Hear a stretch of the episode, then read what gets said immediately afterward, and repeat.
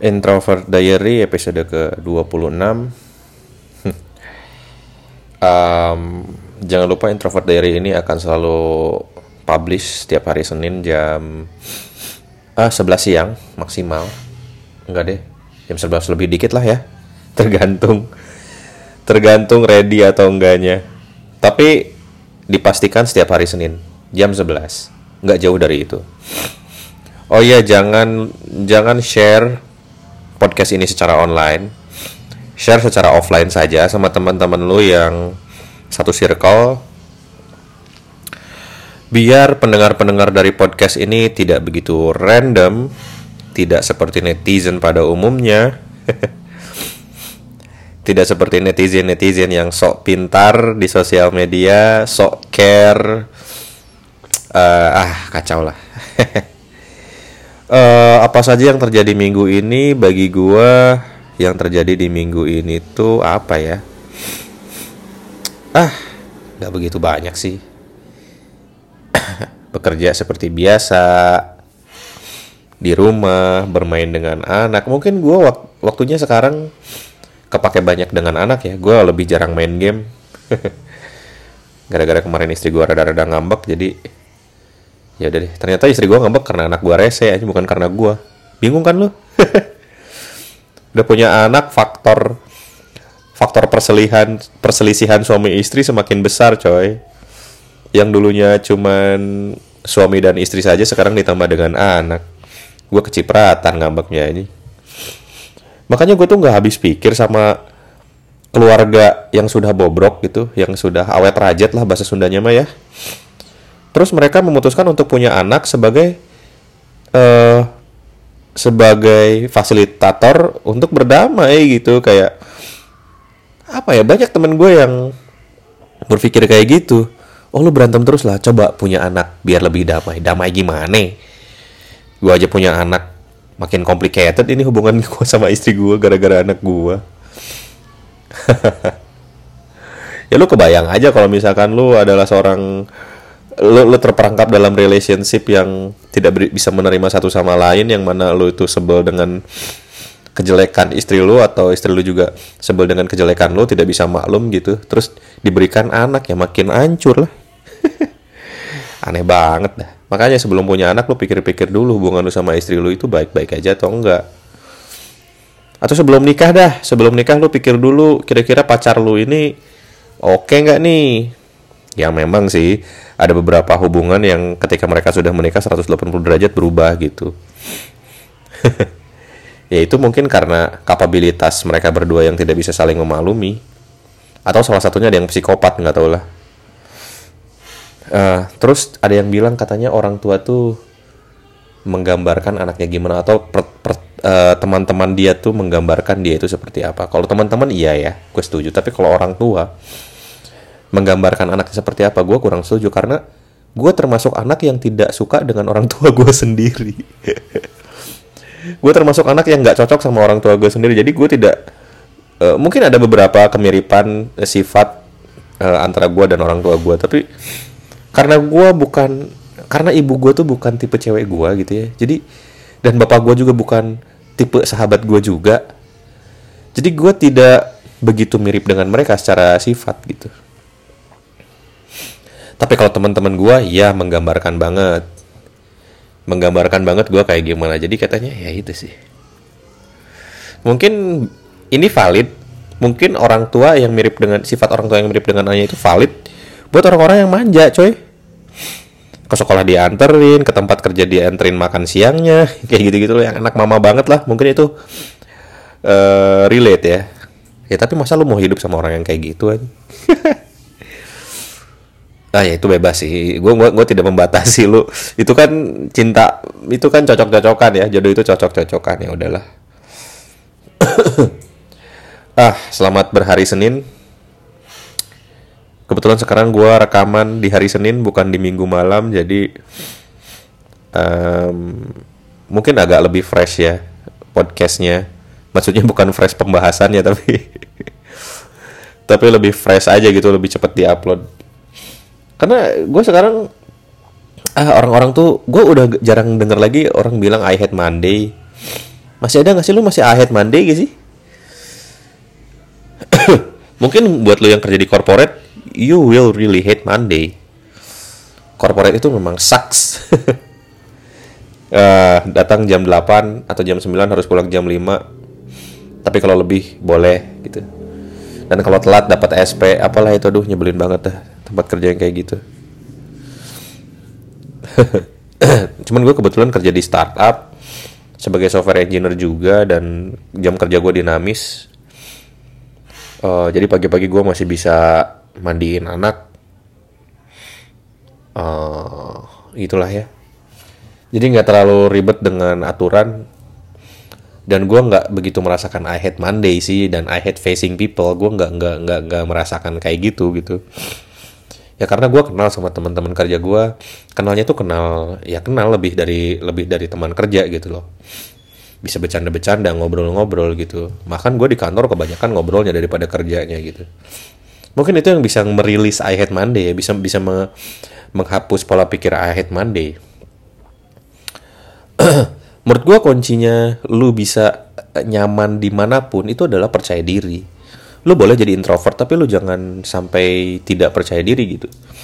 Mostly introvert itu tidak kekurangan percaya diri dibandingkan yang ekstrovert ya.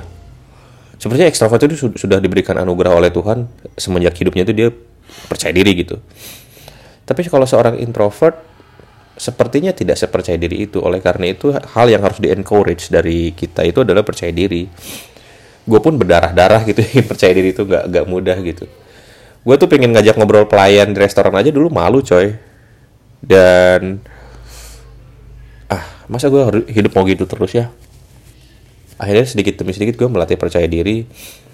Uh, gue pertama kali main ke kafe pertama kali main ke kafe coy itu ketika udah kerja ketika udah satu tahun lulus. Lu bayangin aja anak-anak kuliah zaman sekarang tuh emang mainannya ke kafe mulu aja anak-anak SMA makanya di McD zaman sekarang mah nah, gue dulu juga dulu pertama kali makan di mall tuh di emang SMA sih. Wah zaman sekarang tuh sudah serba serba inilah. Pergaulannya sangat luas dan nggak ada alasan buat lu tidak menjadi orang yang percaya diri gitu. Uh, percaya diri percaya diri ini sangat menolong gue karena di kantor gue juga gue kenal beberapa orang dan dan gue nggak tahu gimana perasaan ada beberapa karyawan juga di kantor gue tuh yang pendiam banget gitu. Entah kenapa karena walaupun gue sama-sama introvert tapi gue ngerasa kayak aduh kasihan dah gitu. Terus ada beberapa orang yang nggak gue tuh nggak nyaman kerja di sini gue tuh sangat melihat gaji apa gitu gaji gue nggak gede. Iya memang gaji itu salah satu tolak ukur. Lo nyaman kerja di situ atau tidak tapi yang berikutnya itu adalah environment lingkungan. Apakah lu nyaman atau tidak yaitu berdasarkan lingkungan lu gitu. Culture-nya juga. Kalau lu pede dengan diri lu sendiri lu pede ngomong dengan atasan dengan uh, teman-teman sejawat dengan kolega gitu kan. Menurut gue itu bisa meminimalisir ketidaknyamanan lu deh. Dan ini berlaku untuk semua tempat ya. Mau di dalam komunitas mau di sekolah mau di kampus uh, rasa percaya diri itu sangat menolong lah mungkin beberapa orang zaman sekarang atau beberapa orang introvert yang berbicara dengan gue kayak gue tuh nggak nyaman gue tuh nggak suka bertemu dengan gue tuh kalau kerja harus fokus sendirian gitu. Ya lu sendiri aja mema memasang berbagai macam parameter untuk untuk uh, at apa ya ngomongnya untuk di puncak performance lu gitu. Ya kalau lu masang banyak parameter otomatis faktor ketidaknyamanannya juga tinggi. Tapi ketika lu melepaskan semua parameter itu lu bisa kerja di mana aja eh, lu bisa ngobrol dengan siapa aja. Gua pikir faktor kenyamanan itu akan lebih melebar deh. Memang bukan karakteristik yang introvert tapi mau mau sampai kapan lu menjadi orang yang tidak percaya diri gitu sorry gue flu mulu ya. Udah semingguan flu gini. Dan sekarang tuh si rinitisnya tuh lagi kambuh coy. Rinitis tuh kayak alergi gitulah. Ada bintik-bintik di hidung lo kayak eh, bentol-bentol gitu. Ah, dan makin parah kayaknya besok gue akan ke dokter deh ya gue pertama kali melatih rasa percaya diri gue itu waktu PDKT sama cewek sih. Waktu pertama kali gue suka sama cewek dan memutuskan untuk ngajak jalan dia gitu ya. Gimana kita bisa pede kalau ngajak jalan dia aja takut gitu kan. Apalagi nanti di sananya gimana gitu. Untuk bertatapan aja gue nggak berani. Untuk ngomong aja gue nggak jelas gitu kan. Ya gimana gue mau dapetin cewek? Nah dari situ karena rasa keinginan untuk ngerasain pacaran kayak gimana pada akhirnya gue memaksakan diri gue untuk percaya diri Nah emang emang dari dipaksa itu hasilnya lumayan coy. Buktinya sekarang kan gue udah bisa bikin podcast. Di kantor juga cukup nyaman lah dengan teman-teman yang ada sekarang gitu. ya begitulah. Uh, dan gue pikir juga generasi-generasi gue itu adalah orang-orang yang kuat loh lo lihat deh uh, generasi-generasi milenial di tahun 90-an. yang lahirnya di tahun 90-an atau 80-an deh. 8 80-an akhir gua kan 80-an akhir ya. Ya 87 88 89 mereka tuh secara mental lebih kuat, coy. Kenapa? Karena waktu kecil tuh kehidupan kita keras. Nggak banyak aturan kayak zaman sekarang. Zaman sekarang tuh ada undang-undang anti body shaming. Bagaimana itu, coy? UU ITE bisa mencangkup body shaming juga gimana sih? Kenapa ejek-ejekan zaman gua kecil itu dijadiin undang-undang anjing? Padahal dulu gua gua kena body shaming sama temen-temen gua, gua dibilang emih rambutnya karena gua keriting. Ya gua balas lagi dong. Ya kan? Ketika lu diejek, lu jangan diem aja. Lu balas lah. Oleh karena itu, dulu gue nggak butuh undang-undang ITE anti body shaming gitu gue nggak butuh. Karena ketika gue dihina secara fisik gue hina balik. Bahkan dulu tuh jangan nggak hanya menghina fisik gue menghina fisik orang tua gue coy. Gila. Ah si Irfan orang tuanya kurus anjing. Yuk balas lagi aja. Ah daripada lu miskin. Ya balas lagi aja jadi seolah-olah gitu UIT ini untuk mengkoordinir orang-orang yang lemah gitu, untuk mengkoordinir orang-orang yang nggak bisa ngebalas aja gitu. Buat apa nih UIT anti body shaming itu? Dan gue juga sekarang gue di kantor juga gue suka ngata-ngatain teman gue dari fisik gitu. Dan mereka nggak kesinggung karena itu lucu coy. Dan kalaupun iya mereka bisa balas gue. Dan gue gue nggak masalah ketika mereka balas gue secara fisik, gue nggak masalah gitu dibilangin gendut. Ah lu mah body shaming body shaming. Ya emang lu gendut anjing. Sorry bro. Ada yang dulu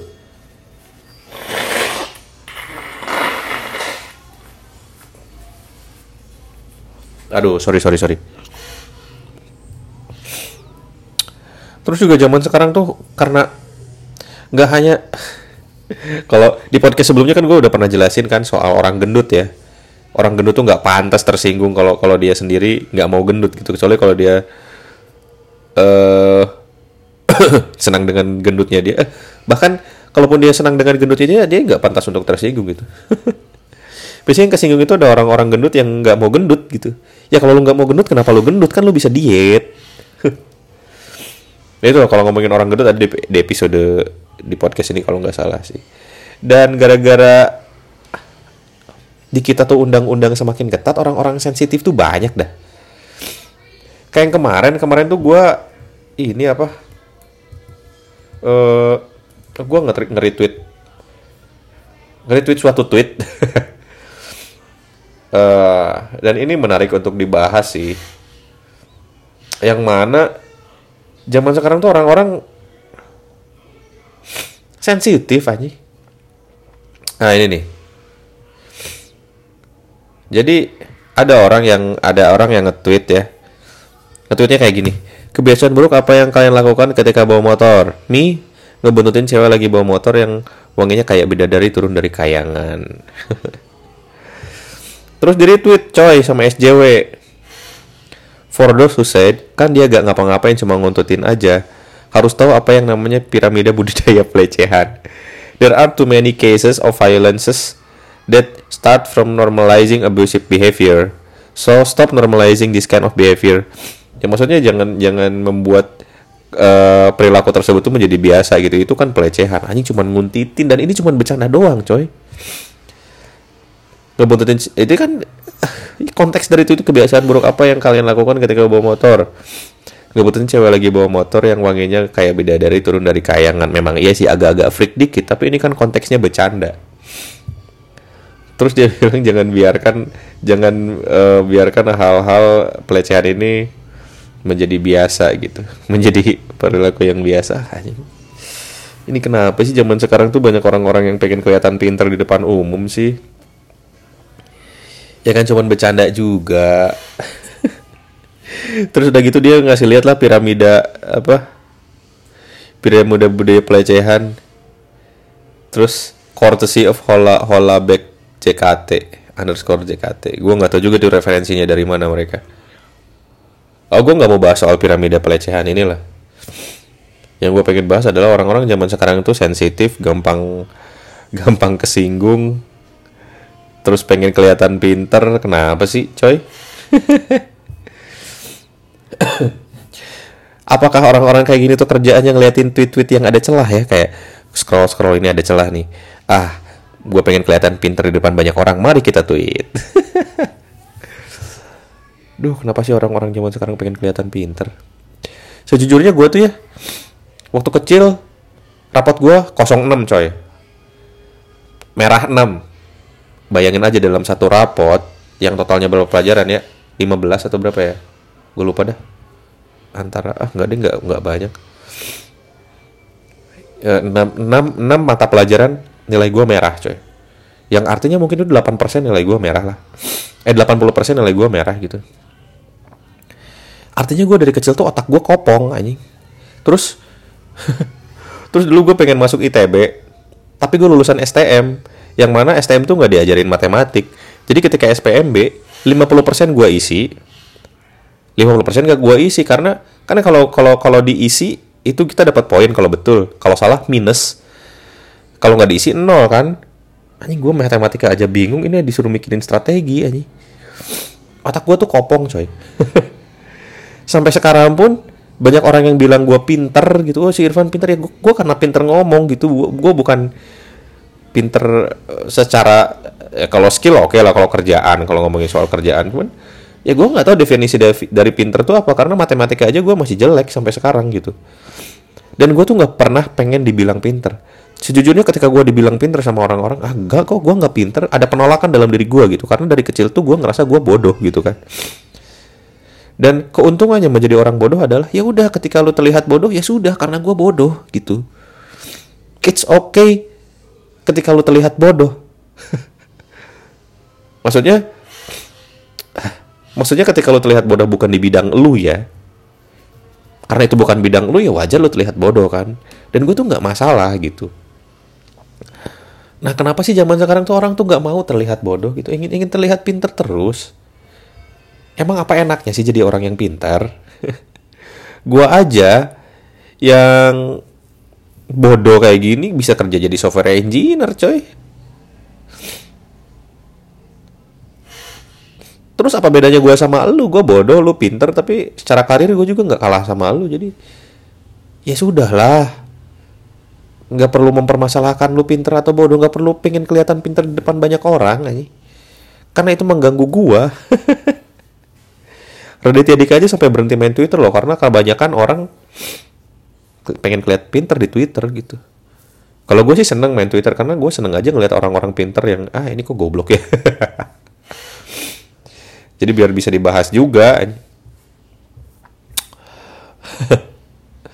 Terus lu tau gak sih? yang akhir-akhir ini viral. Ada seorang guru ngegampar muridnya. Lagi ospek atau lagi mos lagi apa gitu. Di videoin, ya diviralin gitu. Terus ya seperti biasa netizen yang maha benar. Mereka tuh uh, care lah sama anak yang ditampar itu. Terus ngata-ngatain gurunya itu dan orang tuanya menuntut di sini tuh gue ada hal yang gue gak ngerti deh soal uh, guru yang suka nempeleng ini gitu ya. Sejujurnya gue nggak masalah kalau kalau guru guru nempeleng murid itu gue nggak masalah karena waktu kecil pun gue suka ditempeleng sama guru. Gue suka ditendang pantatnya sama guru pakai ditendang terus dipukul pakai penggaris yang kayu itu tau gak sih? Terus tetek gue dicubit coy sama guru gue terus dijewer ditempeleng waktu STM tuh. Pernah gue dan lo tau gak sih dulu tuh ketika gue di kan anak-anak tuh ada yang di teteknya dicubit ya diputer gitu. Ada yang sampai memar coy. Dan tau reaksi kita apa? Ketawa. Ketawa kita tuh. Anjir si Eta kekuat kabiru gitu diketawain coy. Bukan diviralin gitu loh dan dan nggak masalah. Dan dari kita nggak ada yang mati coy gara-gara itu. Nggak ada yang masuk rumah sakit. Karena seharusnya guru juga tahu dong sampai level mana dia berbuat keras pada muridnya. Iya sih kalau misalkan guru itu misalkan melakukan kekerasan sampai tangannya patah gitu iyalah itu patut untuk dilaporkan. Tapi kalau untuk nempeleng ngasih peringatan doang mah ya ngapain? Hal yang gua gak ngerti sama orang tua zaman sekarang itu adalah lu ngurus anak anak lu bandel sama guru dibetulin. Harusnya lu bersyukur dong sama guru itu, bukan yang ngelaporin, ya kan? Lu tuh udah gagal ngedidik anak lu, anak lu tuh jadi public enemy di sekolah itu tuh. Anak lu tuh nyebelin, ditampar sama guru. Ya udahlah gitu. Anak itu menerima ganjarannya gitu. Kenapa lu nggak bisa terima aja? Kenapa lu nggak bisa terima kalau itu tuh didikannya yang gagal dari lu gitu? kalau gue sih misalkan anak gue nanti udah gedenya masuk SD terus ditampar terus dia lapor sama gue gue tanya dulu kenapa kamu bisa ditampar? Tuh. Saya melakukan ini ini ini ini. Gue datang ke sekolah bukan untuk nuntut gurunya. Mau nanya anak saya ini melakukan apa? Sinkron gak sama alasan anak gue kalau memang iya misalkan kan anak gue nyebelin ya sudah nggak apa-apa. Bahkan zaman dulu tuh atau adik gue aja. Adik gue tuh ada dosen yang benci sama dia. Ini benci secara personal ya. Membenci dia secara personal terus dia lapor sama ibu gue terus ibu gue cerita sama gue gue bilang yaudah itu mau urusannya dia sama dosennya gitu. Kenapa kita harus ikut campur? Biar dia aja yang mengat yang bisa mengatasi itu sendiri gitu. Ya sudah kan. Seharusnya bedanya gue generasi gue dengan generasi orang tua zaman sekarang itu adalah anak-anak zaman sekarang itu adalah zaman dulu tuh gue bener-bener survive menghadapi kekerasan apa segala macam tuh kita tuh bener-bener survive gitu. Tapi zaman sekarang tuh dimanjakan. Makanya gue tuh ah dengan adanya undang-undang ITE apalah itu gue nggak nggak gitu ngerti kenapa banyak pasal-pasal karet di Indonesia tuh yang mana semua orang tuh bisa bisa dijerat hukum ya. Mau yang salah atau nggak salah dijerat hukum semuanya. Dan oleh karena itu gue tuh nggak mau sebarin podcast ini secara online gitu karena khawatir ada yang tersinggung ntar gue dijerat lagi undang-undang. Kalau kayak gini kan ya lu sendiri yang pengen dengerin ya. Ayo jadi marah-marah gak jelas nih gue hari ini. Ya udah kalau gitu thank you yang sudah dengerin ya podcast ini. Jangan lupa setiap hari Senin jam 11 uh, Akan publish Terus kalau misalkan lo pengen nanya, pengen curhat, uh, pengen nyumbang topik, ngasih ide topik itu gue sangat berterima kasih banget kalau lo bisa kayak gitu. Uh, karena sejujurnya untuk konsisten setiap seminggu sekali itu membutuhkan penggalian materi yang sangat dalam. Uh, kadang-kadang nggak gua nggak sempat gue gali lebih dalam lagi juga. Jadi kalau misalkan lo ada ide topik mau ngebahas apa atau lo mau curhat atau lo mau nanya silahkan banget. Gue sangat senang di email gue di m.irfan.fz@gmail.com nanti akan gue cantumkan di description ya. Oke, okay, thank you.